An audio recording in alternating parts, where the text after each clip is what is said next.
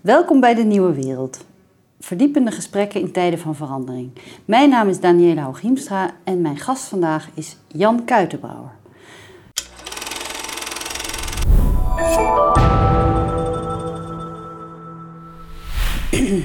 Welkom Hallo. Jan. Hoi. Fijn dat je er bent. Ehm, jij bent inmiddels denk ik wel eh, een soort eh trans-specialist, mag ik zeggen. Eh, hoewel ik nooit helemaal weet eh, hoe je nou, eh, wat precies de verzamelnaam is voor het onderwerp waar jij al zo lang over schrijft. Ja, dat is ook lastig. Ik zeg zelf voor het gemak transgenderisme. Omdat het ideologische trekken heeft, deze beweging. Dus je kunt het wel een isme noemen. Eigenlijk. Maar het gaat dus eigenlijk in ruimere zin over gender. De gendertheorie en gender-emancipatie, zou je ook kunnen zeggen. Dat is een, eh, ja, dat is een eh, beweging die... eh, de laatste jaren aanzienlijk in, in, hoe heet dat, in, in zichtbaarheid is toegenomen. Ja, wat, wat is jouw fascinatie met dit, met dit onderwerp en sinds wanneer heb je die eigenlijk? Dat is ehm, anderhalf jaar geleden of zo begonnen. Simpelweg omdat ik, ik... Ik las een stukje over de Gender Reveal Party. Eh, dus in Amerika is dat een soort gebruik geworden dat eh, een vrouw is zwanger. En het geslacht van het kind eh, is bepaald. En dan wordt dat feestelijk onthuld. En dat is een soort trend en dat is ook typisch Amerikaans, waarbij dat dan ook natuurlijk steeds grotere vormen aanneemt. En dat is nou ja, net zoals de baby shower enzovoort. Dus dat is een, mensen maken daar hele producties van met roze ballonnen, dan wel juist lichtblauwe ballonnen enzovoort. En toen dacht ik, maar gender betekent toch eigenlijk sociale en culturele patronen verbonden aan het zijn van man of vrouw. En voor een ongeboren kind geldt dat allemaal niet. Dus wat revealen we hier nu? Je kunt van een ongeboren kind de gender niet revealen. Want Maar wel de seksen. Je kunt, seksen. ja, dus, maar en is, betekent gender niet seksen? Nou, eh, in het Engelse taalgebruik betekent het eigenlijk allebei. Dat is ook het verwarrende. Maar eigenlijk, wat je dus ziet, is dat. ehm, eh, zeg maar. Toen, toen er behoefte ontstond in de seksuologie om eh, eh, culturele gedragspatronen en verwachtingen verbonden aan het zijn van man en vrouw, om die apart te gaan benoemen. Toen, hè, dus dingen die wel aan seksen verbonden zijn, maar niet samenvallen met seksen. Toen eh, heeft een seksuoloog, John Money, heeft gezegd, laten we dat gender noemen. En dat, dat, komt, dat is een begrip uit de taalkunde eigenlijk. Dus, dat in, in, dus het eigenlijk het woordgeslacht. Dus n- tot voor die tijd werd het in het Engelse taalgebruik ook eigenlijk niet echt in die zin gebruikt voor mensen. Het was meer een taalkundige, taalkundig begrip. Toen zijn die, is dat erbij gekomen. Maar geleidelijk aan, dat zie je dus omdat er ook, er zijn natuurlijk gender studies ontstaan enzovoort in de jaren 60 en 70. Dat, eh, enfin, daar hebben we het later misschien nog over. Ehm, is gender een heel dominant begrip geworden. En in, vooral in het Engelse taalgebruik zie je dat heel veel mensen het woord seks dus niet meer gebruiken. Omdat ze denken, ik moet voortaan gender zeggen, no matter what. Maar dat is natuurlijk niet zo. Maar Want er is helemaal geen woord in het Engels iets anders dan gender, toch? Voor seksen. seksen? Seks. Kun je dat zeggen in het Engels? your natuurlijk, sex seks. is female, my Oh. sex is male. Ja, ja. Dat is gewoon... eh, hè, dus eigenlijk is het een sex reveal party. Ja, Dat was maar mijn... dat klinkt een beetje gek, toch? Sex review, dan denk je dat gaat over seks. Maar, nou nee, maar ik bedoel, dat is in het Engels lijkt me dat wel de verwarrende, Er eh, erg- of niet? Er is een erg komische cartoon uit de New Yorker van een huis met ballonnen en feestelijkheden enzovoort. Er staat een bord van eh, gender reveal party. En er staat een naakte man voor de deur met een fles wijn. En de, man, de, gastheer die open doet, die zegt...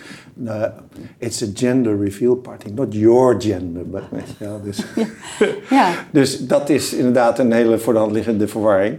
En sterker nog, eh, Dave Chappelle, de Amerikaanse komiek... die ook bijna gecanceld was vanwege zijn transkritische... Die zegt de hele tijd, tijdens die show, die, die, die fameuze omstreden show, zegt hij de hele tijd: Gender is real. Maar hij bedoelt, want wat zeggen de gendersceptici, waaronder ik zelf ook, die zeggen: Sex is real. Biologie doet ertoe. Ja. Enfin, dus hij, ook hij, terwijl hij dus eh, zich wel met het onderwerp heeft bezighouden, is Ja. ook ten prooi aan die. Ja, je hebt je natuurlijk heel veel altijd met taal bezig gehouden. En in dit geval ben je dus ook eigenlijk aangeslagen op een, op een taalkwestie. Bij mij begaat het heel vaak via de taal, want zo, zo, ja, zo, zo denk ik. Ja. Dus ik, en toen begon ik te lezen over, maar waarom? Want toen vond ik een artikel waarin stond, ja, in de geneeskunde wordt gender ook steeds vaker gebruikt voor ook seks. En er zijn seksen, zeggen wij dan, hè? of kunnen, kan je ook zeggen, of geslacht. Wij hebben drie woorden daarvoor, seksen, kunnen en geslacht. Ehm, en er, Kunnen, is er nog een verschil tussen seksen en kunnen eigenlijk? ik dacht het niet. Nee, jij bent van de vrouwelijke kunnen en ik van de mannelijke. Ja, maar bijna niet meer kunnen gebruikt. zit dus eh, eigenlijk ook in de categorie, je hebt eigenlijk geen keus. Biologie. Want jij bent van die kunnen Ja. en die kunnen, daar zitten gewoon eigenschappen aan vast. Ja. Terwijl gender heeft dat eigenlijk allemaal achter zich gelaten en heeft gezegd, gender is in feite een keuze van mensen, of niet? Eh, ja, ehm, gender is wat, eh, wat, we, wat we doen als samenleving en als individuen met dat geslacht. Dus eh, dat is gender. Eh, en, en, en inmiddels is daar dan een nieuw begrip bijgekomen en daar gaat deze, die, die, die genderbeweging heel erg over en ook die transbeweging. En dat is de zogenaamde genderidentiteit. En heel vaak wordt nu gender gebruikt in de betekenis van genderidentiteit. Ehm, te- en de, eh, dus er zijn in feite drie betekenissen die het begrip gender kan hebben. En zelfs mensen van de Transgenderbeweging Nederland of de Rutger Stichting of, of wetenschappers die zich hiermee bezighouden, gebruiken die drie begrippen door elkaar. Dat is uiterst verwarrend en is ook heel, eigenlijk vind ik dat ook heel kwalijk, omdat je dan ziet dat ze zelf ook eigenlijk niet precies weten. Waar je het nou over hebt. Want als Ja. ik zeg mijn gender is vrouw, eh, dan weet je eigenlijk niet of ik misschien biologisch een man ben. Ja. Toch? Ja. Terwijl als ik zeg mijn seks is vrouw, eh, Dan weet ik dat jij dan als- weet je dat ik als meisje ooit geboren ben. Ja, Ja, Ja. ja. En terwijl, dus dat verschil is er, maar tegelijkertijd wordt eigenlijk door het woord gender, wordt dat, eh, ja, Eh, eh, ehm, vertroebeld. ja, Ja. Ehm, en soms denk ik ook wel eens met opzet vertroebeld, omdat eh, dus er wordt eigenlijk gewoon ehm, verwarring gezaaid, waarbij eh, heel veel mensen dus de draad kwijtraken. En er is ook op, er is in deze materie veel ga- gaslighting. Er is heel veel pseudo. eh, rationele, pseudo-wetenschappelijke kletspraat, die als je er iets langer naar kijkt, eigenlijk helemaal niet blijkt te kloppen. dat, dat is een ander ding wat mij eigenlijk al vrij... Dat ontdekte ik toen ik ging lezen over dat woord. En dan gaat er bij mij een andere eh, alarmbel af. Dat, dat is, ja, dat, dat is, heel- is gewoon een soort journalistieke reflex eigenlijk, weet je wel. Een bullshit detector kan je het ook noemen. ik denk, ik, ik, ik, ik, ik rook eigenlijk gewoon... want Er is hier iets, aan, er is hier iets heel geks aan de hand. En, want er is zoveel troebelheid en zoveel quasi en zoveel mode, denkmode.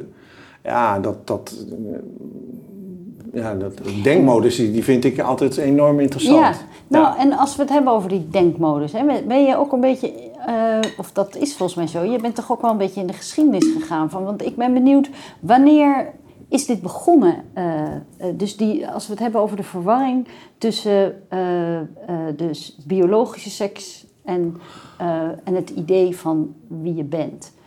Nou, het is- Wanneer is die, is die mengvorm? Kijk, trans, transgenderisme, of transseksualiteit, want zo heet het vroeger, is heel oud al. Eh, genderbending is al heel oud natuurlijk. Ik bedoel, eh, ook in, vroeger in het theater, weet je wel, dat ehm, eh, vrouwenrollen door mannen werden gespeeld enzovoorts. Eh, ehm, eh, travestie is al heel erg oud. Crossdressing is al heel erg oud. Erotic crossdressing is ook al heel erg oud. Dus, weet je wel. eh, en, maar dat is nou bijvoorbeeld zoiets, hè. Dat weten we. Daar zijn, en, en hoe heet het? Margaret Mead heeft geschreven over de eh, genderstereotypen en ook de, de verbreding van het binaire gender-idee, namelijk met dat er ook een derde gender zou zijn, weet je wel, op, op Samoa. Eh, dat is allemaal bekend. En, en dat wordt altijd aangevoerd door de transbeweging en de genderbeweging om te, te, te, hoe noem je dat, te onderbouwen dat gender niet binair is. Of dat seksen niet binair is. Wij leven nu, ga op straat hier vragen van, eh, aan mensen, is gender of is geslacht binair? Ik denk dat het heel groot... Even binair uitleggen. Du- dus A of B, Ja, zwart of wit, Ja. 0 of 1. ja. Eh, ik denk dat heel veel mensen zullen zeggen: nee, nee, nee, nee, gender is niet binair hoor. Terwijl, gender is wel binair. Ja, dat is, als je dat biologisch bekijkt, heb je de. Nou ja, ik zal niet in de biologie treden, zozeer, maar je, goed, je hebt het X-chromosoom, de Y-chromosoom. eh, je hebt de kleine gameten en de grote gameten. hè, dat zijn de geslachtscellen. Vrouwen hebben grote gameten, mannen hebben kleine. Ehm, alle zoog, dat geldt voor alle zoogdieren. Dus zoogdieren zijn geslachtelijk binair. ja. Eh, maar als je op een zwart en een wit vlak, als je op een schaakbord inzoomt, maar lang genoeg inzoomt, dan zie je op de scheidslijn tussen zwart en wit natuurlijk grijs op Ja. een gegeven moment. Ja. Maar dat neemt niet weg dat het systeem binair is. Ja, ja, en als je nou, want je had het net over, die, die- in de geschiedenis kennen we dus allerlei vormen, hè, waarin dus eh, eigenlijk wordt eh, gespeeld met, met de, de binariteit, om het maar zo te zeggen, Ja. van de geslachten. Eh, maar eigenlijk is bijvoorbeeld travestie, komt natuurlijk juist vanuit het idee dat, dat er wel een verschil tussen man en vrouw is. Want dat speelt juist met het idee van, kijk, dit is eigenlijk een man, maar hij heeft zich nu, Ja. als vrouw doet hij zich voor. En dat is nou net de Ja, maar hele dat is het. leukheid. En Ja, Dat is het fascinerende aan dit onderwerp. Dat is een soort paradox. Ehm, het zijn hokjes. En die hokjes moeten worden doorbroken. Maar zo gauw je hokjes gaat doorbreken, bevestig je het bestaan van hokjes. Want anders was jij niet aan het breken. Begrijp je wel? Dus je hebt die binariteit en die, die, die, die stereotypen juist nodig. En wat je Ja, maar even los van, want ik ben even benieuwd naar hoe dat dan in de geschiedenis... Is het in de geschiedenis eerder voorgekomen dat je dus dat helemaal loslaat zoals we dat nu... Dus dat idee van gender waarin Nee. je dus zegt... Nee. Dat is uniek, Ja, of niet? Dat is zeker. Wat nu gebeurt, wat op dit moment gebeurt, is uniek. Dat is nooit, eerder geweest. Nee. Er is nooit eerder gezegd van luister, er is eigenlijk helemaal geen verschil tussen mannen en vrouwen. Bedoel, Nee. de- de- de- die- Nee. nee. Eh, dus, dus zeg maar de, de goeroes van de genderbeweging, van de transbeweging, wat die zeggen, namelijk, hè, dus trans woman is a woman, dus eh, eh, biologie is in wezen helemaal irrelevant, dat is volkomen nieuw. Hm. En ja, niet alleen is het volkomen nieuw, het is ook onzin. Maar wanneer is dat begonnen? Dat, vind Dat, nou, dat, dat, dan moet je naar de jaren 90. Eigenlijk moet je dan naar het postmodernisme, jaren 60. Ehm, en toen op een gegeven moment is Judith Butler, dat is wel een toonaangevende filosoof eh, op dit thema. Die heeft in de jaren, ik geloof 89 of 90, 91, een boek geschreven dat heet Gender Trouble. En dat is eigenlijk een soort, bijna een soort bijbel geworden voor de genderbeweging en de transbeweging. En zij, Butler is dus een, echt een klassieke postmoderne filosoof. En de postmodernisten zeggen natuurlijk altijd... ehm, de werkelijkheid bestaat eigenlijk alleen maar uit constructies. Arbitraire constructies, machtsconstructies zijn, zijn allemaal constructies ten einde bepaalde machtsrelaties uit te oefenen en te bestendigen. En die biologie is eigenlijk maar, ja, ik neem aan dat ze het niet helemaal zullen eh, ontkennen. Het, Nou ja, het is het- wel een soort van. De, de, er is toen geprobeerd, en het gek is dat Butler daar later op is teruggekomen, maar dat, daar wordt nooit naar verwezen. Er wordt altijd verwe- verwezen naar het eerste boek van Butler, waarin ze eigenlijk zegt: eh, gender, of seksen, is performance, is, een, is, een, is gedrag. Ehm, en dat idee is enorm versteend en verabsoluteerd en een eigen leven gaan leiden. Eh, terwijl zij dus in, daar zelf inmiddels eigenlijk genuanceerder tegenaan kijkt. Maar dat hele. En daar komt dus ook die wonderlijke uitdrukking. En dat was een andere uitdrukking die ik tegenkwam waarvan ik dacht: dat kan niet kloppen. Ehm, je hebt dus. De, in het Engels zeggen ze dan. Assigned male at birth. AMA, AMAP. Of AFAP, assigned female at birth. Je mag in de genderspeak, in de correcte genderspeak van vandaag, mag je niet meer zeggen hij is een meisje of hij was een meisje. Dat mag je niet zeggen. Nee, hij was eh, assigned female at birth. Ja. En, nou, en, ja. en dus dat, en dat is gebaseerd op Butler, de stelling. Op het moment dat een kind wordt geboren, wordt, is, wordt eigenlijk op basis van arbitraire culturele conventies eh, een, een geslacht aan dat kind toegekend. Assigned male of female at birth. Nou, bij ons in het Nederlands we hebben een iets minder elegante Ja, maar dan heb je dus de, het, idee van het, iets toegewezen, eh, zoals eh, eigenlijk Simone de Beauvoir eh, al zei. Hè, dat dus vrouwen, dat daar bepaalde eigenschappen aan toegedicht worden. En dat je dus al die eigenschappen op je, op je dak krijgt. Ja. je daar eigenlijk helemaal niet, misschien je daarmee... Maar dat is ook waar. Dat, dat is ook waar. Maar, maar je hebt natuurlijk ook de, de biologische eigenschappen. En Dus- die- maar ook die worden dus ontkend. Terwijl dat, dat eigenlijk is dat Nou, die worden gereduceerd tot een arbitrair cultureel patroon. Eh, en dat is natuurlijk niet waar, want eh, ik bedoel, eh, als een in uitzonderingen daar gelaten, en dat geldt in deze discussie eigenlijk vo- voortdurend, hè, dat is die, die lijn tussen zwart en wit. Er is altijd wel een half of een 0, zoveel procent, weet je wel, intersexe heb je bijvoorbeeld. Maar als een kind, ne- 99 van de 100 kinderen die geboren worden, daarvan kan je gewoon zien dat is een mannetje of dat is een vrouwtje. Dat is niet een toewijzing, dat is een constatering. Eh, maar als je, als je dat een toewijzing noemt, dan kan je ook zeggen: Oh, maar dat is verkeerd. Dat, dat is een arbitraire toewijzing geweest en die ga ik veranderen. Daarom willen ze nu ook die nieuwe transgenderwet, die is daarom ook zo slecht en zo kwalijk, omdat ze in het geboorte, hoe noem je dat? Akte, de geboorteakte, het geslacht willen veranderen. Dat jij in je. Nou, dan, dan ben je natuurlijk de geschiedenis en de, de, de biologische realiteit aan het vervalsen. Ja, nou, we gaan het zo nog over die transgenderwet hebben, maar nog even eh, hierover. Want dit gaat eigenlijk over de mensen die dus, dat is een, een kleine groep, maar die bestaat wel. Het, het eh, wat je dan noemt eh, in het verkeerde lichaam geboren zijn. Ja. Hè? Wat natuurlijk, eh, denk ik, eh, echt een heel groot probleem is eh, Zeker. voor mensen. En, Zeker. en een, iets waar je psychisch heel, heel erg Ja. moeilijkheden mee kan hebben. Absoluut. Ehm, maar hoe, hoe, hoe staat dat, die groep, in verhouding tot die genderbeweging? Nou, die groep is er dus altijd geweest.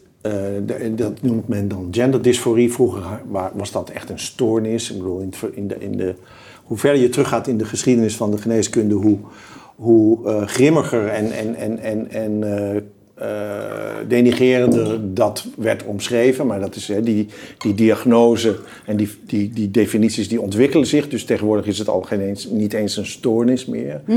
Eh, of heet het nou nog wel een stoornis? Daar is discussie over, meen ik. Dat ben ik even kwijt. Maar in ieder geval, het, het is net als met homoseksualiteit. Vroeger was dat een stoornis. En dat is nu een voorliefde. Ja, Ehm, dus dat heeft altijd bestaan. En daar kun je over, over discussiëren hoe, hoe groot die groep is. Er zijn, loop, zijn uiteenlopende cijfers, maar laten we zeggen 0,5% of zo. Dus, dus een half op de 100. Eh, die hebben genderdysforie, de, eh, eh, zoals dat dan wordt, ge- tegenwoordig wordt genoemd, eh, of genderincongruentie. En die zijn heel erg ongelukkig in het lichaam waarin ze leven, Ja. waarin ze geboren zijn. Eh, je kunt niet zeggen je bent in het verkeerde lichaam geboren. Want dat zou betekenen dat er eigenlijk een soort van, ja, hoe moet je dat noemen, transsubstantiatie bestaat. Weet je wel? Dus dat er een bepaalde geest is die in een bepaald lichaam wordt geplant of verankerd. Dat, dat bestaat niet. Maar het is een meta als metafoor werkt het wel. Dus dat kun je wel zeggen. Het, zo voelt het dan waarschijnlijk.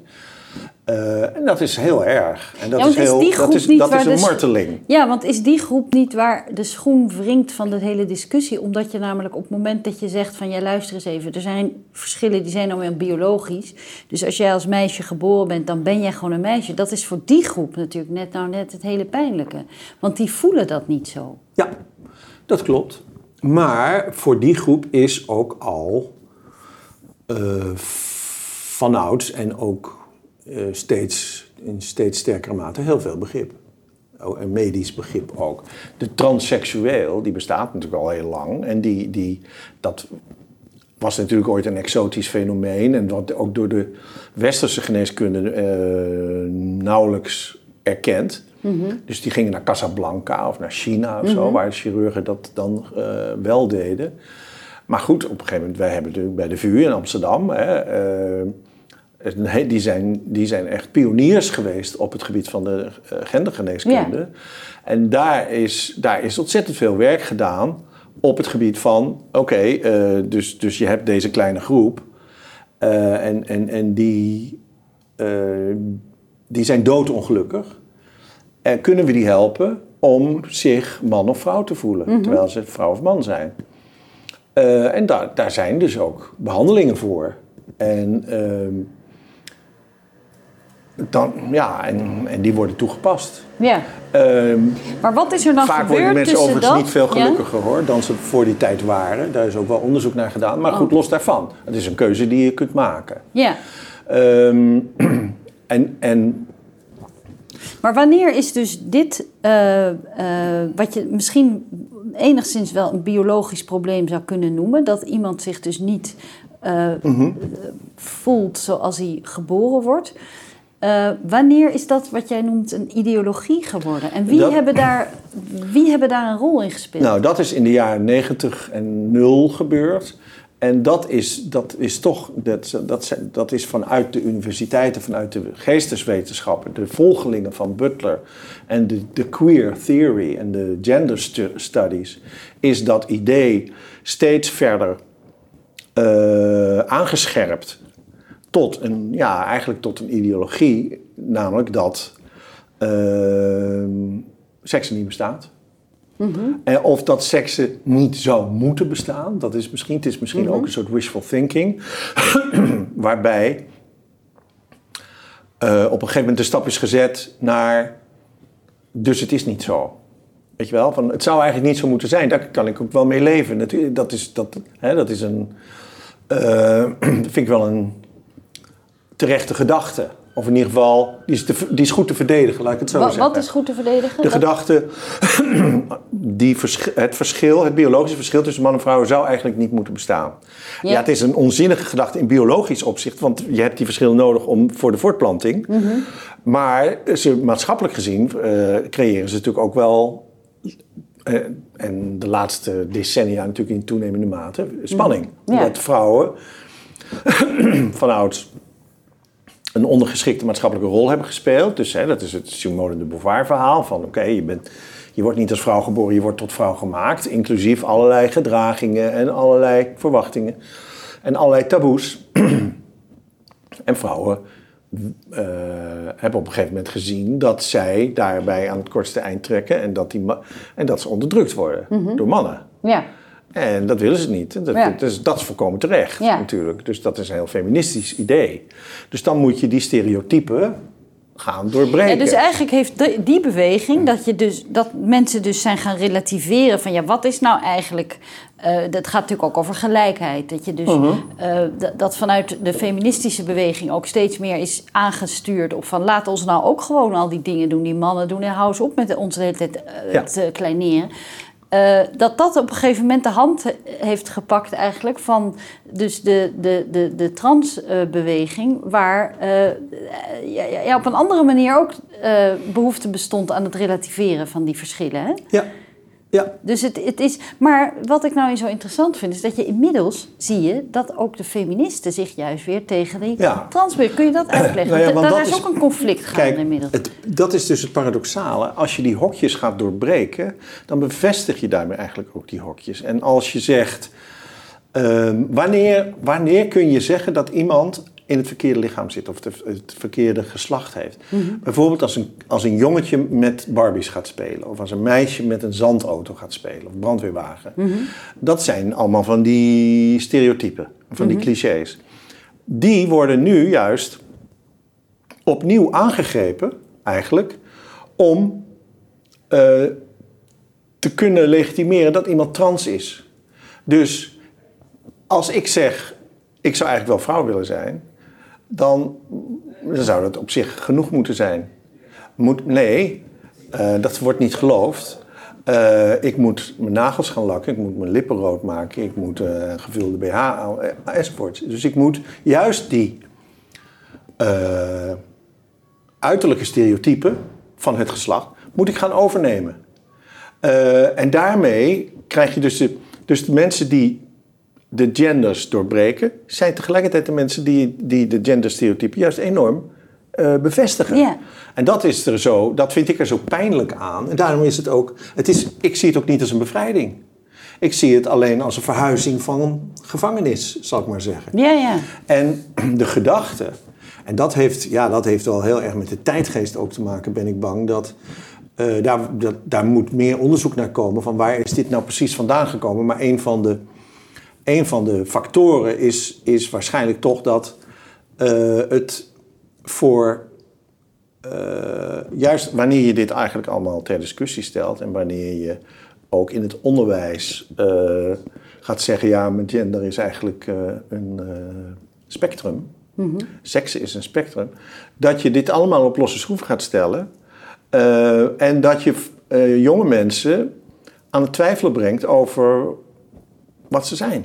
Ja, en dat ze dus ook een, eh, heel duidelijk moeten weten wat ze zijn. Juist. Eigenlijk. Hè? Dat je, dus, dat je Ja. je dus heel erg bewust bent van ben ik nou dit of ben ik nou dat? Juist. Ja. En, en onduidelijkheid, zoekende zijn, ambiguïteit, dubbelzinnigheid, dat kan niet in deze tijd. Nee. Daar, wij- daar, heb, daar is deze tijd heel intolerant tegen. Eh, in de social media ben je, eh, als je, als je niet te definiëren bent, als je vaag bent, als je niet omlijnd bent, dan besta je niet op de social media. Want dat is allemaal door die algoritmes, is allemaal categorisering, is allemaal labeling. Ja. Dus mensen gaan zich ook gedragen naar die labels. En mensen gaan ook eh, in het ene, in de ene mal, of in de andere mal, of in weer een andere mal. eh, en zeggen, ik ben wie ik ben. Eh, en ik ben niet een standaard man of vrouw, of een typische man of vrouw. Maar ik ben wel een man, of ik ben wel een vrouw. En dit is wat ik ben. Ja, Dat, daar is heel weinig ruimte meer voor. ja. En dat is, eh, dus wat je ziet in de praktijk, is dat ehm, vroeger was transseksualiteit, transgenderisme, een mannen, hoofdzakelijk een mannen-aangelegenheid. Mannen die vrouw wilden worden, die waren de grote meerderheid. Inmiddels zijn het meisjes die geen meisje willen zijn. Oh, ja. Eh, er zijn vijf, zes. dat zijn de meeste. Op dit moment is driekwart van de mensen, van de patiënten, sorry, cliënten, hoe noem je het noemen, individuen op de wachtlijst van de genderklinieken, zijn pubermeisjes.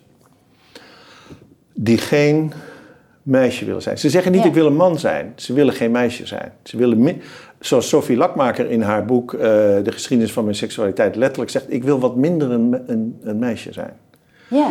Ehm, Maar en eh, dat uitzicht dan in de behoefte om daar biologisch of daar medisch iets aan te doen.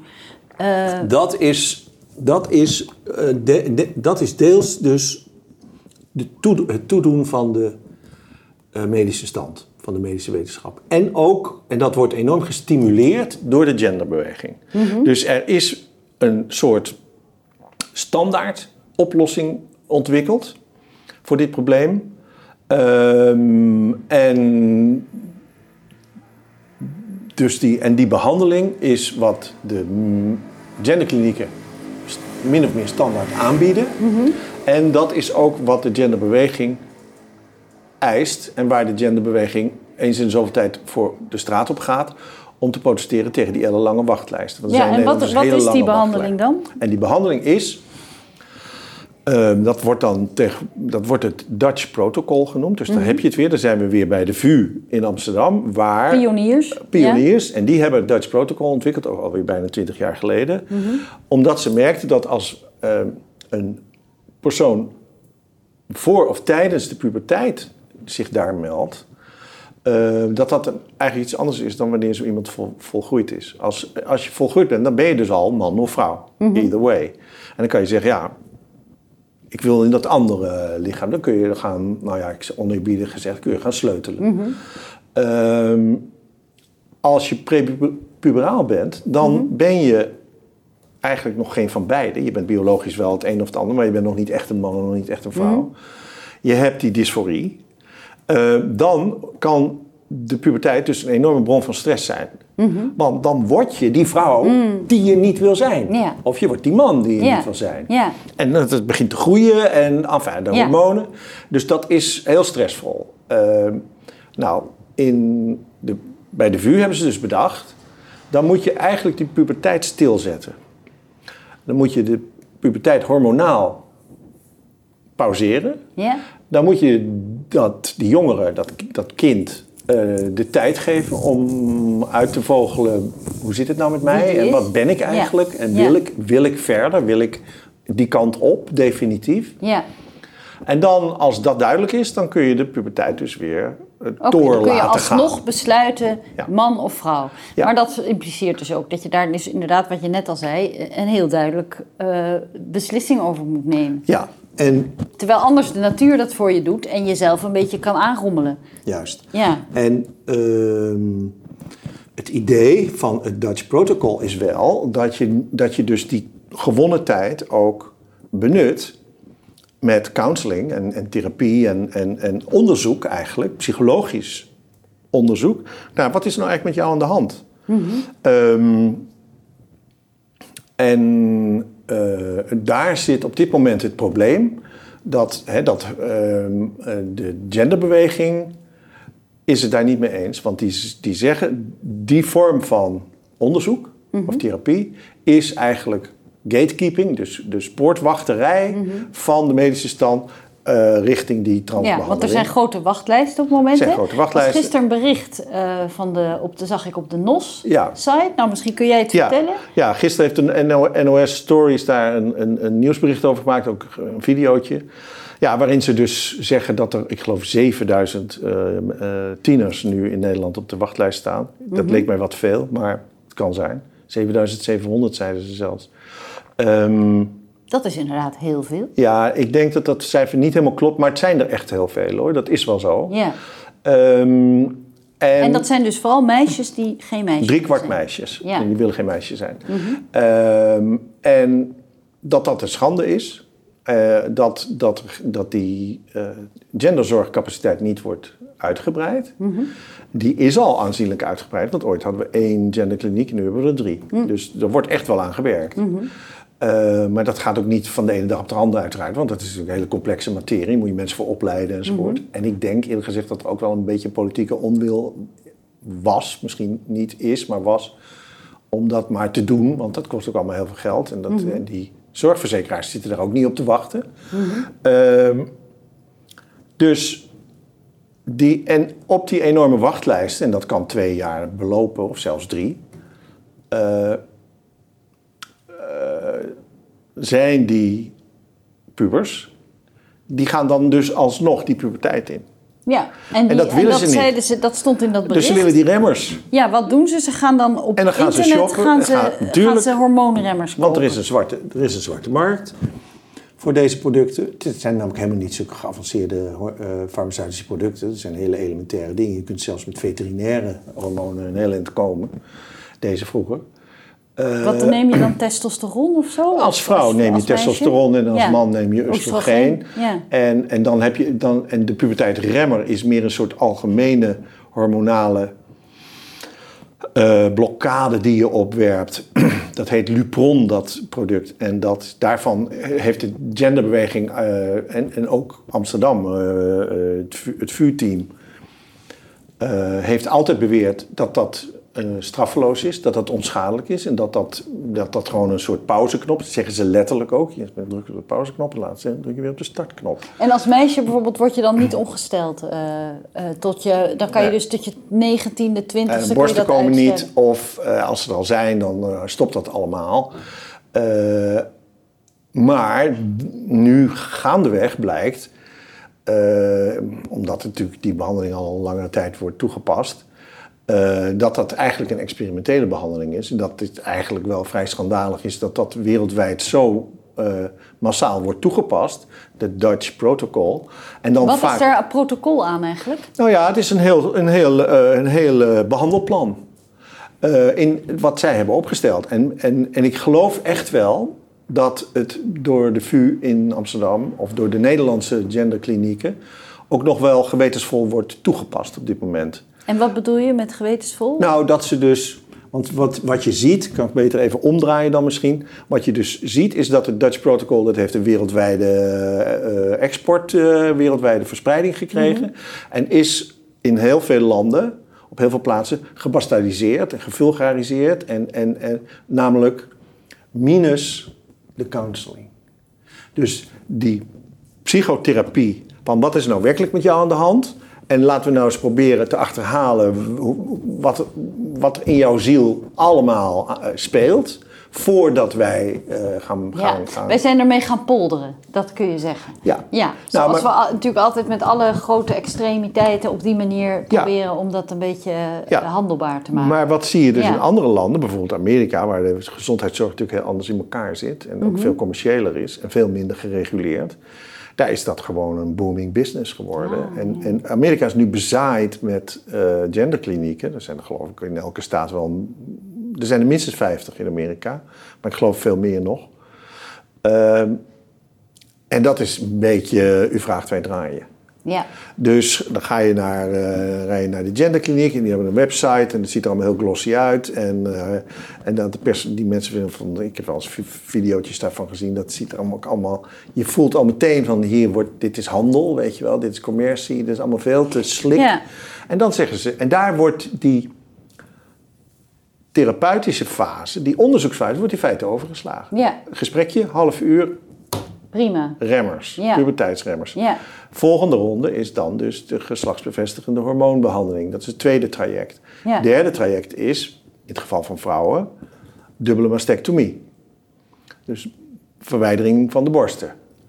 Eh, en dan, En dat gebeurt allemaal voor het 18e jaar al. dat gebeurt in sommige gevallen voor het 18e jaar, zeker. Want dat Niet is in al- Nederland is dat ook eh, dat, dat is eh, ik geloof, toegestaan. ik geloof dat je in Nederland, hou me ten goede, maar ik meen dat je minstens 16 moet zijn voor een dubbele mastectomie in Want Nederland. dat mag een kind zelf besluiten dan? Of moet je daar, want voor heel Ja. veel dingen moet je natuurlijk toestemming van je ouders hebben. Informed is- consent.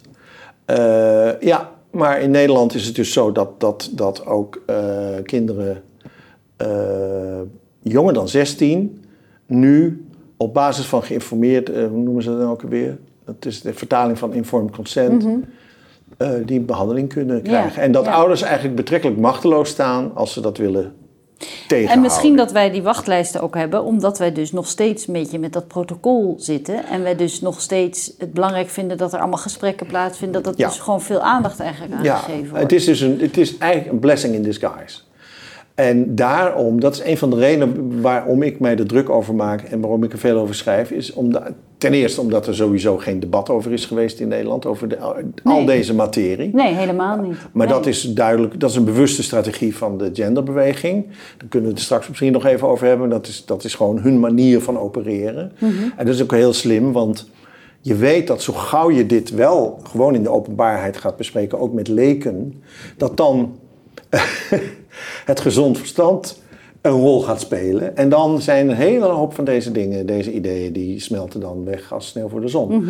Dus eh, ga maar op straat vragen van, eh, is biologie eh, niet bepalend voor wat er in uw slachtpaspoort staat of in uw geboortebewijs? Ik denk dat 9 van de 10 mensen dat onzin vinden. Ja, tegelijkertijd is, er ook een hele grote angst, denk ik, bij mensen. Om, ook al hebben ze voor zichzelf heel duidelijk het idee, nou, er is een verschil tussen mannen en vrouwen. Is er ook de angst om mensen die dus met dat probleem zitten waar we het net over hadden. Die dus doodongelukkig zijn. Omdat Ja, ze maar dat is het. En dan voel je je een heel gemene figuur als je dan zegt van ja, Ja. eh, er is gewoon verschil. Ja, ja. En dat is ook, dat is echt, dat maakt het heel erg moeilijk. En dat is, ehm, eh, ja, ik. eh, mijn moeder die zei altijd, eh honi soit mal y pense, die had, eh, dat was een spreuk die zij vaak gebruikte. Eh dus van de orde van de kousenband. en, Wat betekent dat dan? Wee degene die er kwaad van denkt. Dus dat was echt een spreuk voor mensen met een met sterk eer- eergevoel. Die zeiden, wacht even, mijn motieven zijn zuiver, maar hoe zit het met de jouwe? Als jij denkt, het is een beetje zoals de boer waard is vertrouwd zijn gasten. Ja, maar wat, hoe bedoel je dat in, de, in verband In dit verband heb ik, dus dat is voor mij altijd wel een soort leidraad in mijn leven geweest. Dat ik Ja. denk, ehm, als je gaat je af, als je bang bent of als je je gaat afvragen wat ik nu zeg of wat ik hierover vind, zou geconstrueerd kunnen worden als, terwijl dat in mijn geval totaal niet aan de orde is, dan, dan laat je je verlammen. Dus ik, ik, ben, ik weet diep in mijn hart, 100% zeker, dat ik niet transfoob ben. Dat ben ik niet.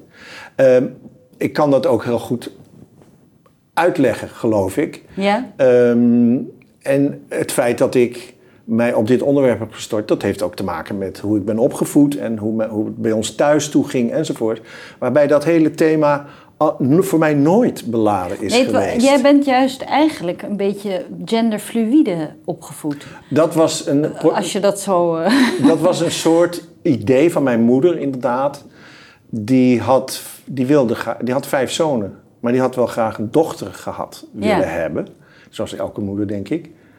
Eh, maar dat lukte maar niet. En toen op een gegeven moment zei zij: Ja, maar dan, ga- dus dan ga ik al mijn moederlijke, moeder-dochter-energie, die ga ik dan maar over mijn vijf zonen verdelen. ja. Eh, want ik vind dat. eh, en ze had ook al wel ideeën over. Ze was heel eh, nieuwsgierig en ruimdenkend. En ze had ideeën over. macho gedrag en, en genderstereotypes. Ik neem aan dat zij de Beauvoir ook gelezen had. Weet je wel, dus zij, bij ons thuis was dat allemaal eh, onderwerp van gesprek. Ehm, eh, mijn oud, eh, er is een, een, mijn ouders lazen veel. En er, er was in de jaren 60, 70, 80 is ze overleden een, een Britse dichteres, Bridget Brophy. Een experimentele dichteres, heel interessante figuur en, en ook heel geestig. En die, mijn ouders lazen haar. En op een gegeven moment schreef hij een boek In Transit. En dat is een roman die speelt zich af in de transitzone van een luchthaven. Hè, waar je dus eh, in Oh, transit bent. Maar dit is ook een soort allegorie over gender en eh, geslacht en seks. En, eh, en dat is een ontzettend geestig boek. En, eh, maar ook heel diepzinnig. En, heel, en dat heb ik als ik weet niet, 15, 16-jarige jongen gelezen. Dus eh, toen ik later over queer begon te lezen, dacht ik, ja, die, die Bridget Brophy, die, eh, die was queer voordat queer bestond. Ja, ja, ja. Weet je wel? Ja. Dus eh, in mijn leven en in mijn, mijn opvoeding is het allemaal niet zo. Nee. Bijvoorbeeld mijn dochter. ja, die, die, nou, dat is een andere factor overigens nog wel ook even. Hè, die is dus precies van de leeftijd waarbij zij ten prooi had kunnen vallen aan. Hè? Mhm.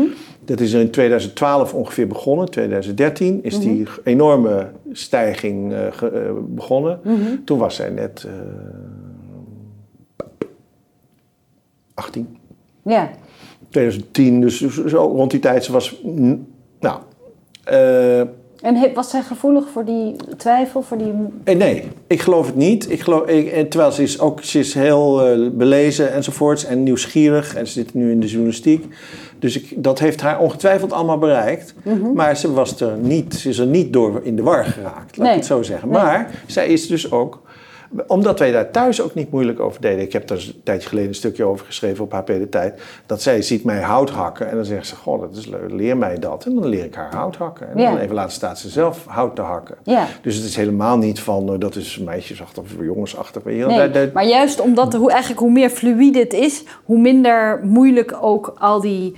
eh, ook, Ja. eh, ja, Ja. het idee dat je iets bent, zeg maar. Dat die je een vrouw bent of een man bent. En die, ja. die, die, want wat, wat je dus veel ziet, is, eh, en, en dat, dat maakt het ook zo, zo, zo, zo tricky, wat er nu gebeurt met die wachtlijsten en die. die, die Ehm, als er, da- daarom zijn die wachtlijsten goed eigenlijk, want Mhm. als je niks doet, dan groeit ongeveer 80% van, de, van, die, van die kinderen die zich daar aanmelden, met het, groeit daar overheen. Ja, maar En even nog een, dan? een, een, vraag. Hè? Want ik, ik eh, eh, denk eigenlijk, zoals jij zegt dat jij jouw dochters opvoedt, eh, of dochter.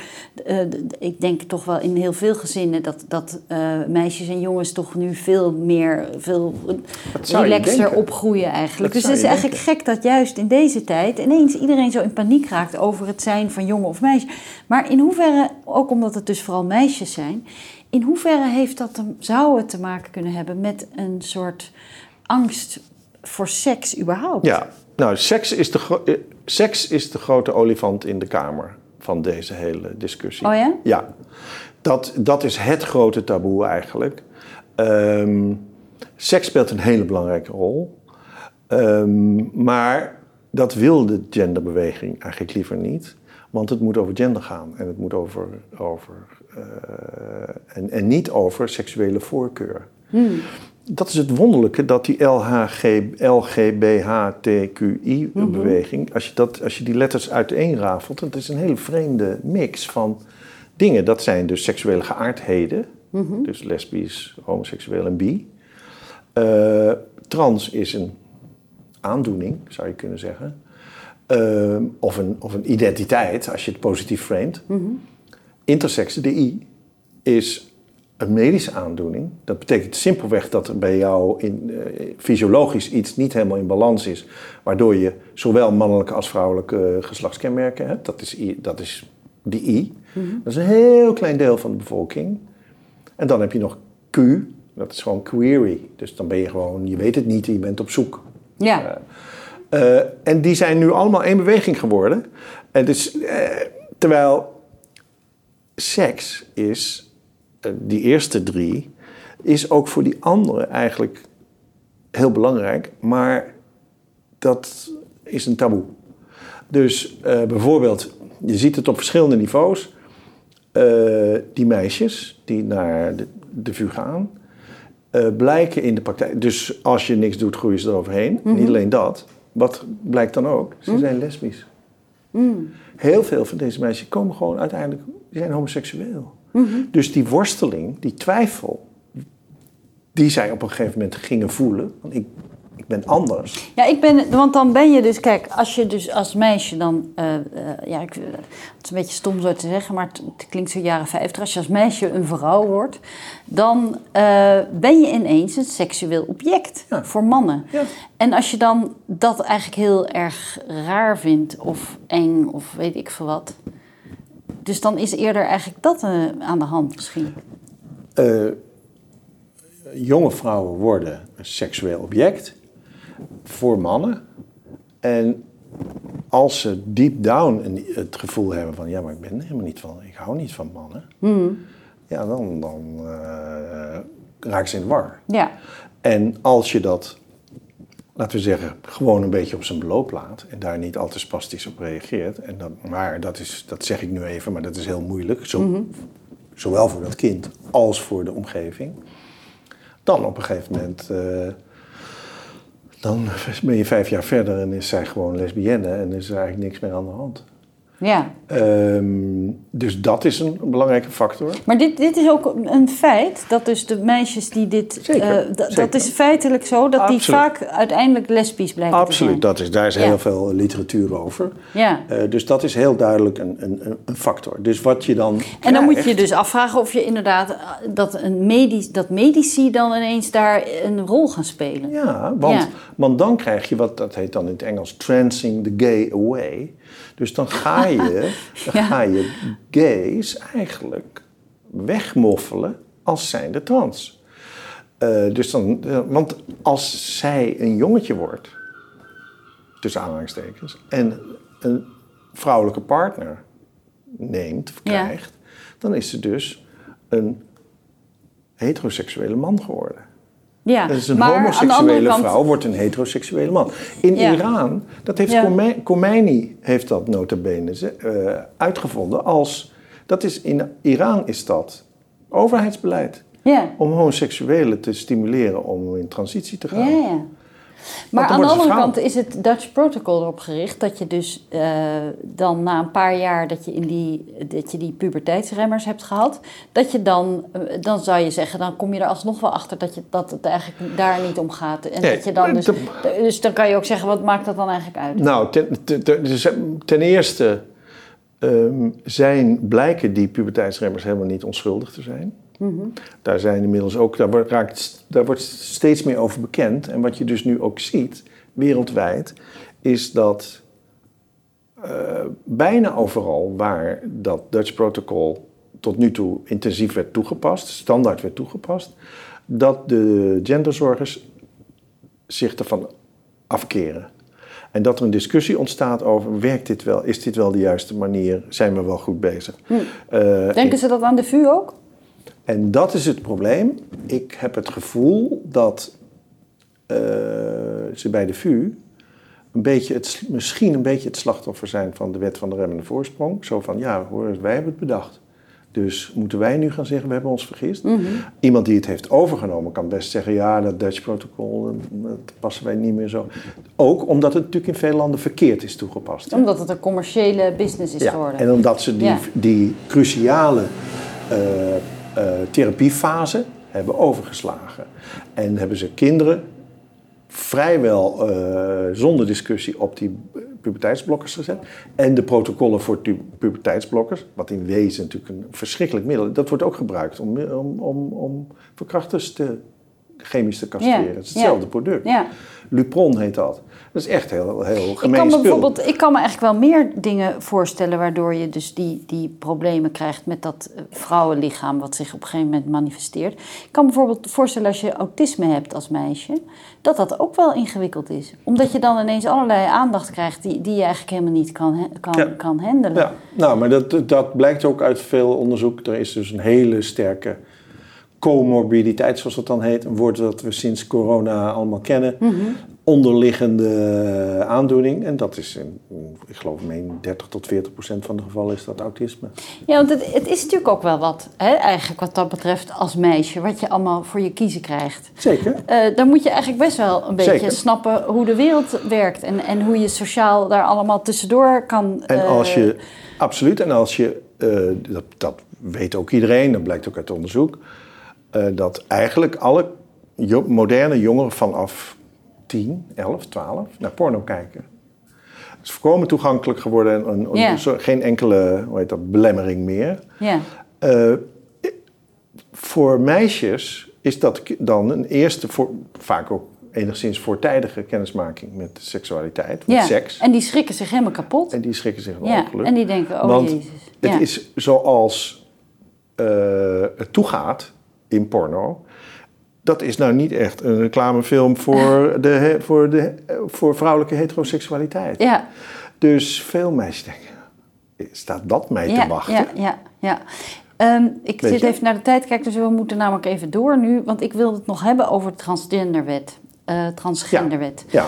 Ehm, Ik neem nog wat water. Want wat je al zei, er is eigenlijk helemaal geen politieke discussie geweest hierover. Terwijl, Nee. wat, gaan ze nou, eh, wat is nou de bedoeling om in die transgenderwet te gaan vastleggen?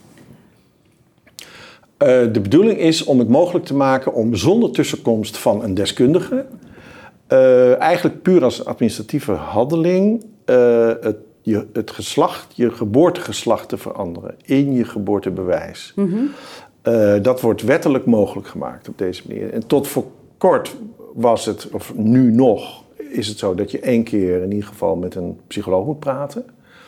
En dat die eigenlijk moet bevestigen dat jij een vorm van genderdysforie hebt. Daar komt het dan op neer. En dan, ehm, dan mag dat. En nu wordt die consultatiefase wordt eruit gehaald, want dat wordt ook weer beschouwd als een vorm van kwalijke gate, medische gatekeeping van het medische establishment. Eh, wat heeft die ermee te maken enzovoorts. Dus dan krijg je de, de wonderlijke situatie dat eh, jij gaat naar het stadhuis en je zegt ik wil een man zijn en dan moet je bij naar een ambtenaar een handtekening zetten en dan wordt, dat, wordt jouw geboortebewijs veranderd. Dan kan je ook een nieuw paspoort aanvragen en dan wordt het in je paspoort ook aangepast. Eh, voor zover het erin staat, is niet overal ter wereld zo, maar bij ons geloof ik wel hè. Ehm, En dan ben ik als man geboren. ja, Eh, en dat is ongeacht of ik een operatie heb ondergaan Ja, of niet. je- Het is gewoon, ik voel mij een man en dat wil ik. Ja, dus dan kun jij als man, en dan ben je ineens een vrouw. En dat betekent dat je dus wettelijk gezien toegang hebt tot allerlei voorzieningen die voor vrouwen bedoeld zijn. Eh, en dat wanneer jij daar wordt geweerd, omdat je geen echte vrouw zou zijn, dan is dat eh, strafbare eh, discriminatie. Maar wat ik zo interessant vind, ik denk dat er zo weinig mensen zijn die deze behoefte hebben. Hè? Ik, ik, weet het eigenlijk wel zeker. Als je vraagt van hoeveel mensen willen, staan nu eh, te springen om naar het stadhuis te rennen om eh, in hun paspoort te veranderen, eh, hun geslacht te veranderen, dan zullen dat maar heel weinig mensen dat zijn. denk ik ook. Maar wie zijn nu degenen die dit zo ontzettend graag, voor wie dit zo Nou, wezenlijk is? Kijk, we hadden het net over de eh, olifant in de kamer is, seksueel, is seks. Mhm. Seksualiteit. Een andere categorie waarbij dat een grotere rol speelt, dat is... Kijk, je hebt allerlei soorten transen. Dus je hebt, die hebben we het straks besproken, de klassieke transseksueel, zeg maar. Die het vaak ook al van kindsbeen af weet en voelt en, enzovoort. Die, en die dan na een moeizaam proces, langdurig en moeizaam proces, dat bereikt.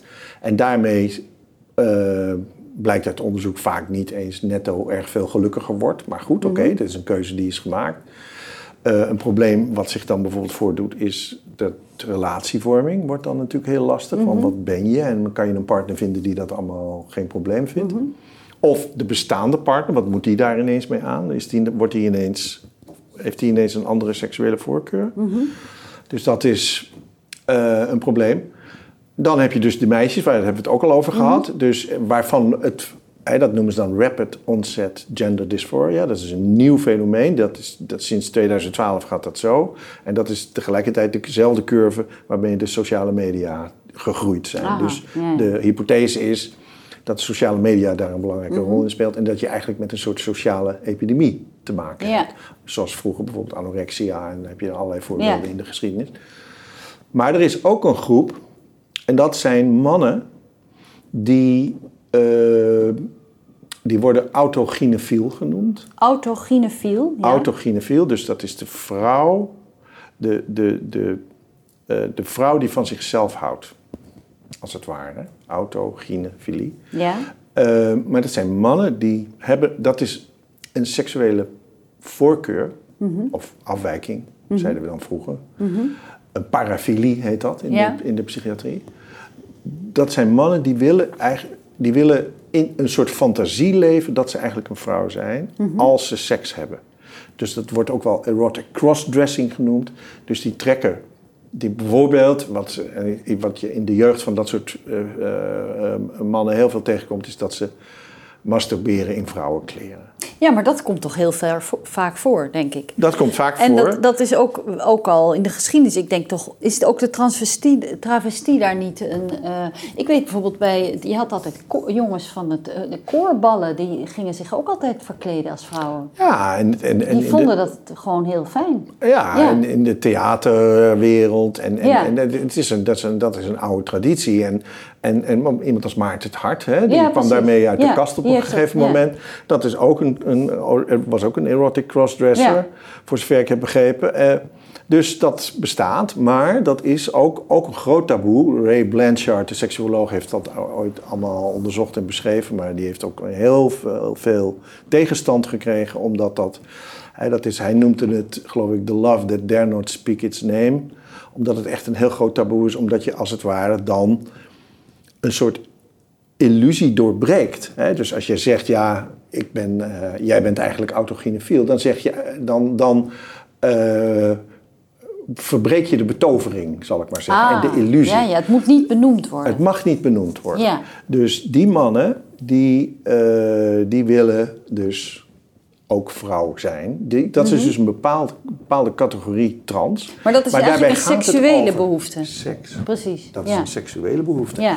En dat, en ik heb me af zitten vragen ter voorbereiding van dit gesprek in Mhm. de auto op weg hier naartoe. En toen had ik ineens een kleine brainwave. Mhm. Ik geloof dat ik het nu, dat ik in ieder geval één element nu beter begrijp. Mhm. Waarom zijn die nu de, de transgenders die J.K. Rowling met de dood bedreigen, Mhm. Die turfs eh, met, met geweld bedreigen op eh, de sociale media, die de hele tijd plaatjes van boksbeugels en in, in prikkeldraad gewikkelde honkbalknuppels en bebloede t-shirts eh, eh, gebruiken als, als, als, als eh, intimidatiebeelden om die de jou op zogenaamde... de hielen gezeten hebben. Die toch mij ook op de hielen hebben Want jij hebt stukken geschreven natuurlijk voor de Volkskrant. Buitengewoon interessant. Voor mij voor het eerst dat ik, dat, eh, dat ik kennis nam van deze hele eh, materie. Althans, ik kende het wel, maar het- gewoon de diepte van dit alles. Eh, maar jij bent, jij dat was je niet Ja, in de want dan ben je dus een TERF, hè, dus Ja. T-E-R-F, de Trans Ja. Exclusionary Radical Feminist. Ja. En dat is echt een enorm scheldwoord geworden. En dan, je bent een TERF, je bent transfoob. En dan is eigenlijk, nou ja, eigenlijk is wel ongeveer alles geoorloofd. Ik bedoel, op een gegeven moment hebben ze gewoon het privéadres van J.K. Rowling op Twitter gezet. Ja. Weet je wel, dat soort... En wat Eh, had jij, eh, waar had jij mee Nou, ik, ik word ook voortdurend uitgescholden voor transfoob. En, en Mhm. ik krijg ook die anti-turf plaatjes met die honkbalknuppels en die boksbeugel. Ik word niet rechtstreeks persoonlijk. Ik heb nooit een individueel gerichte mail ontvangen. Mhm. Maar op de social media ben ik natuurlijk een van de gro- nationale turfs. Maar er werd ook wel geklaagd, toch? Bij de hoofdredactie. En er wordt geklaagd bij de, bij de hoofdredactie van de Volkskrant Ja. door het Transgender Netwerk Nederland. Dat is de belangenorganisatie eh, van deze beweging. En ja, wat daar precies is voorgevallen, weet ik niet, want ik mag die brief niet lezen. Maar eh, het, het heeft, ik ben ervan overtuigd dat het een rol gespeeld heeft bij het beëindigen van Wakkerland. Ja, En dat, dus ik. ik je bent eigenlijk een beetje weg... weg eh, ik ben een weg. soort van gecanceld. Ja, Ik noem het zelf softe canceling, want het is niet. En dat vind ik, je, je kunt nog beter hard gecanceld worden misschien, want dan, dan zegt de ander het Ja. ook gewoon. Ja. En hier wordt niet gezegd, hier wordt een beetje een schimmenspel gespeeld van Ja, het ging over redactionele verschillen van inzicht enzovoort. En was het wel een column? Het was misschien een rubriek en dan mag je nou geen het lijkt me niet zo belangrijk of het een rubriek of een column is. Het, eh, Ik bedoel, maakt mij althans onzin. niet uit. Het, is flauw, vind ik. Ja, met al gewoon flauw en een beetje karakterloos. Maar Ja.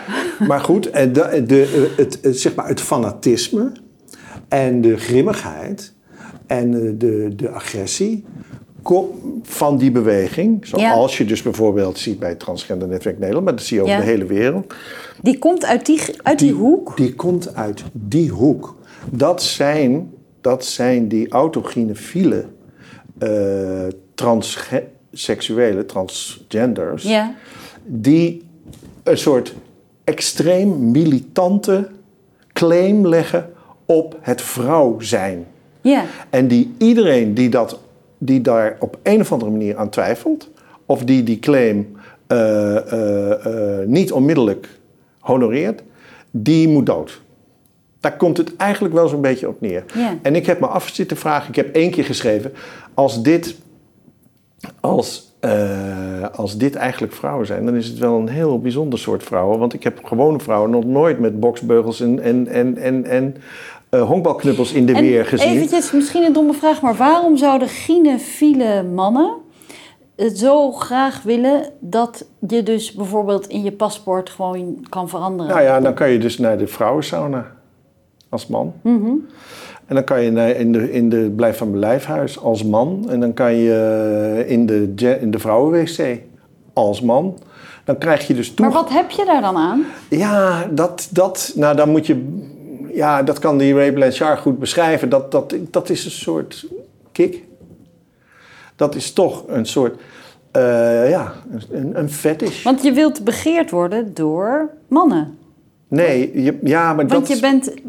ja, dat is de paradox.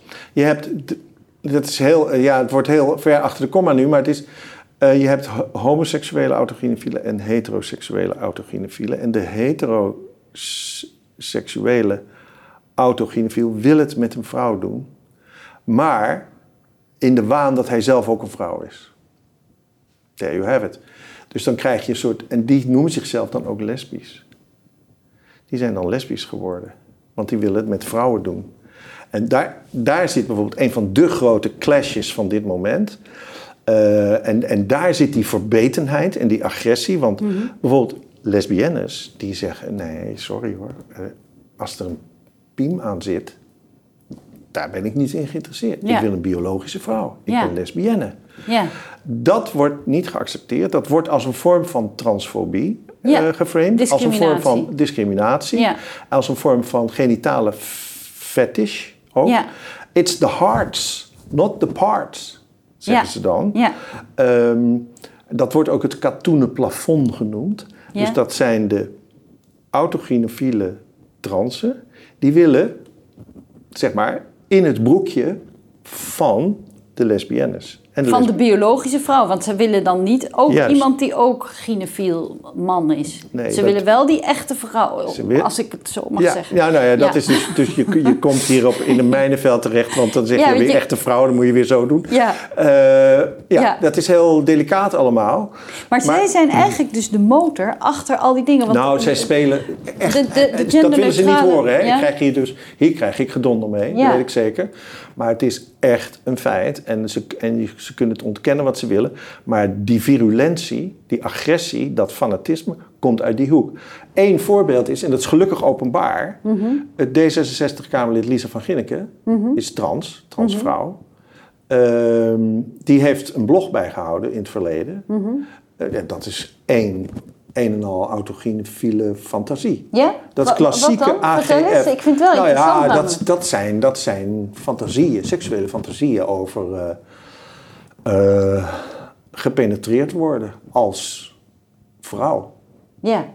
Eh, ja, dat, ja, sorry, dat is allemaal een beetje plastisch, maar dat, da- daar gaat het om. Daar heeft zij over geschreven. Heeft zij over- zij over geschreven. Heeft ja. zij over geschreven. Ja. En, en daarom kan ik het ook zeggen, want het staat gewoon online. Eh, dus, en, en zij is een, een, eh, een Maar belangrijke dan wil je dus wel weer juist... voorvechter van die wet, van Ja, die transgenderwet. Maar dan richt je je dus juist weer op mannen. Toch? Dan wil je dus juist weer mannen. Ja, ik vind wel, het is erg complex. Maar goed, dat, je kunt daar. Of, of je draait het om. Ja? Je bent degene die penetreert, maar je, je doet alsof je gepe- gepenetreerd Ja, ja. wordt. Enfin, dus, dus dat is een hele eh, complexe draaikolk van, Ja. van, van identificaties Ja. en spiegelingen. Eh, maar die spelen hier echt een grote rol. Maar jij zegt dus eigenlijk dat er een soort seksuele, eh, eigenlijk een lustkwestie zit. Ja, achter, dit- achter een. En hoe gaat nou de politiek, hoe, want hoe gaat dat dan met die transgenderwet? Hoe, wat, je- wat je zegt inderdaad, er is eigenlijk helemaal geen debat over geweest. Nee, maar en, en, eh, nee, want de transgenderbeweging, en daar, daar, zijn, ook, daar zijn ook wel studies naar gedaan en, en daar zijn ook wel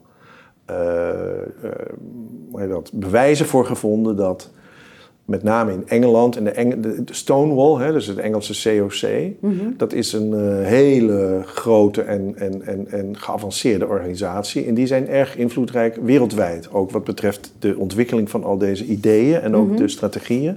Stonewall heeft in Engeland een ongelooflijke invloed. En ehm, Stonewall heeft op een gegeven moment ook strategische documenten en, en, en, en adviezen laten maken waarbij eh, over de vraag hoe kunnen wij deze agenda nu zo makkelijk mogelijk, zo, zo, zo efficiënt mogelijk eh, politiek eh, ingevoerd krijgen. En het advies is niet over praten. Geen openlijk debat. Dat no debate is dus ook echt de mantra. No debate. En waarom is dat? Ja, ik denk het omdat dan mensen zoals jij en ik gaan denken, oh, wat is hier aan de hand? Zeg, Maar dat kan toch maar niet zomaar allemaal? Bij wijze van spreken. Eh, dus dat, dat beseffen zij. Dus zij opereren volgens het principe van de zogenaamde policy capture. En policy capture betekent onder de radar decision makers, dus belangrijke beslissingnemers, beïnvloeden. En dat is hoe ze te werk gaan. En, en, Ja. en, en, en, en, ze, en Klinkt zo wel een zijn beetje vrij. als een complotterig. Ja, dat weet Zoals ik. je dat zegt. Zo, Dat- zo gaan ze te werken dan. Oeh, Ja, dan- nee, dat realiseer ik me. Ja. Maar daarom is het zo fijn dat dat rapport van Dentons er is, een groot internationaal advocatenkantoor dat dit strategische advies voor ze heeft opgeschreven. En Daar Mhm. staat gewoon letterlijk, niet, eh, niet in de krant, onder de radar vliegen. Ja. Het publiek begrijpt er geen bal van. Ja. Eh, Maar dat is ook een reden namelijk. In ieder geval voor mij was dat altijd een reden om te denken, nou ja, prima. Want eh, ik vind het goed. Als, Ja. als het mensen helpt eh, Ja, maar- dat, om dat te Kijk, doen. en nu zijn we, ik bedoel, nu, het is gesprek is denk ik bijna afgelopen, maar ik ben toch Ja. heel blij dat we nu op dit punt zijn, namelijk het punt waarop, en dat is wat mij toch eigenlijk wel heel erg dwars zit, dat is dat ik, wat ik zie is dat die, dat smal deel van de transbeweging, Ja? die agenda eh, nastreeft. En die pubermeisjes daar eigenlijk een beetje voor gebruikt. Ja.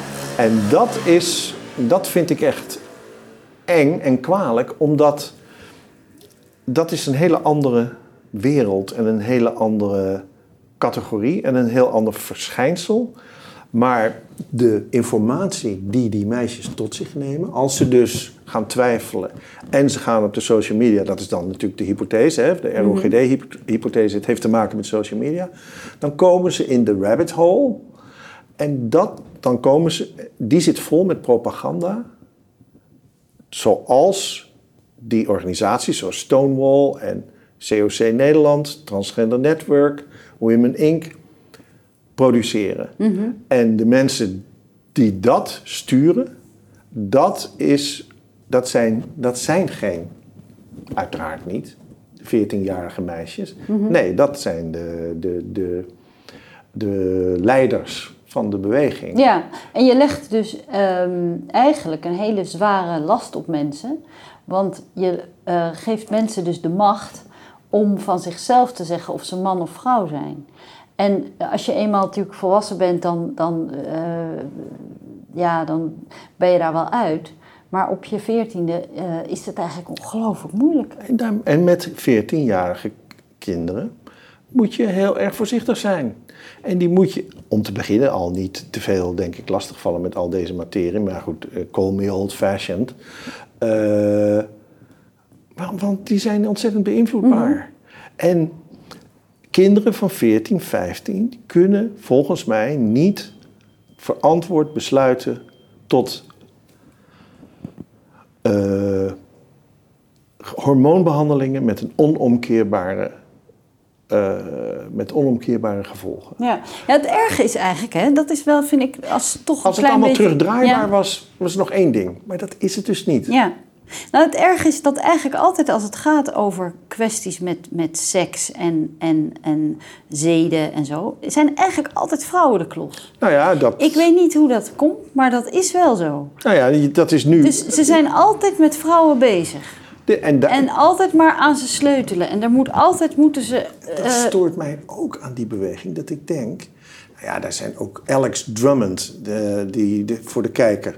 Eh, Google die naam een keer. Alex Ja. Drummond. Nou, werkelijk, je, je, je, je ligt in een deuk. Dat is werkelijk niet te geloven. Dat is een, een, een, een absurde karikatuur van een, een klassieke autogynefiele transman...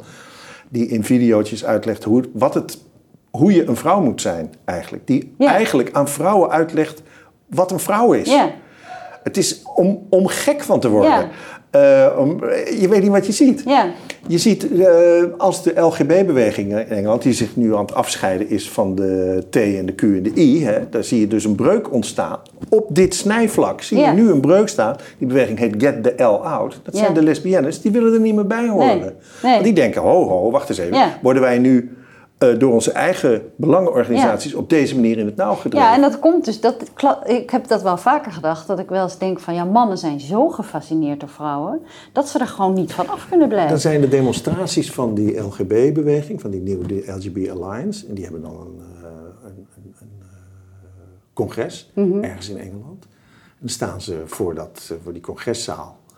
Eh, en er is een demonstratie van transmannen, transvrouwen, pardon, transvrouwen. Eh, die het er dus niet mee eens zijn. Die, want dat, zij zijn de turfs. Hè? Mhm.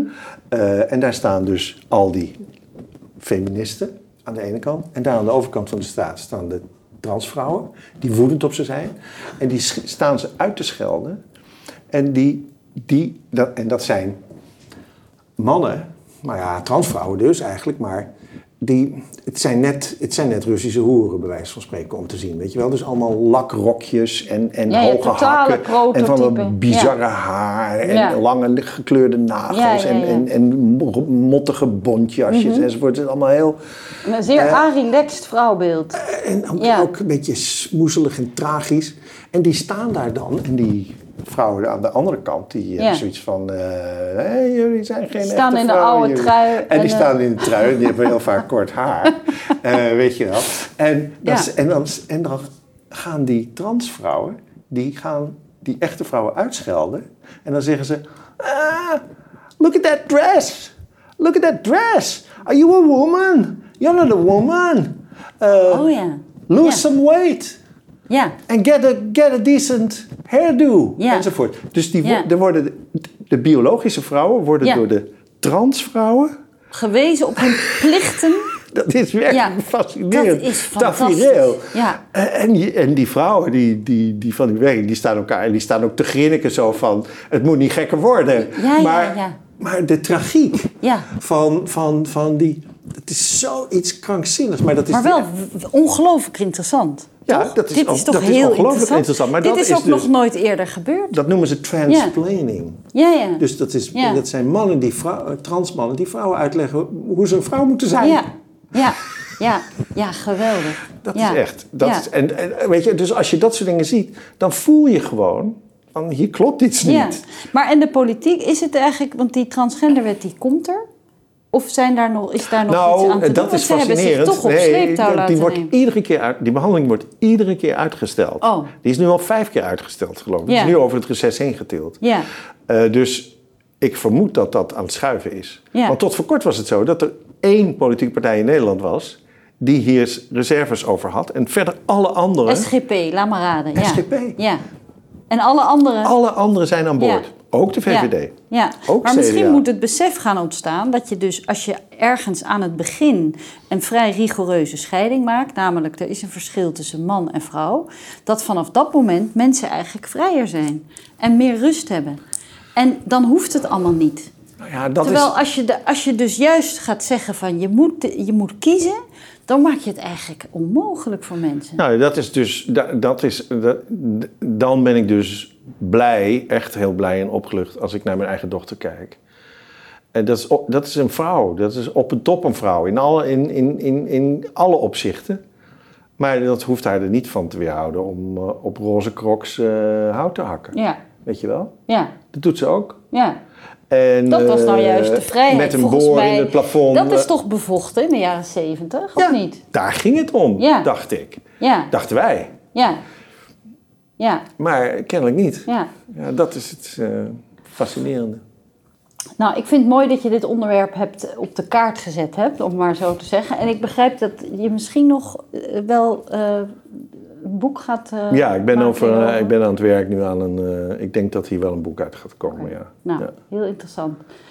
Dankjewel Jan voor dit Geen dank. My pleasure.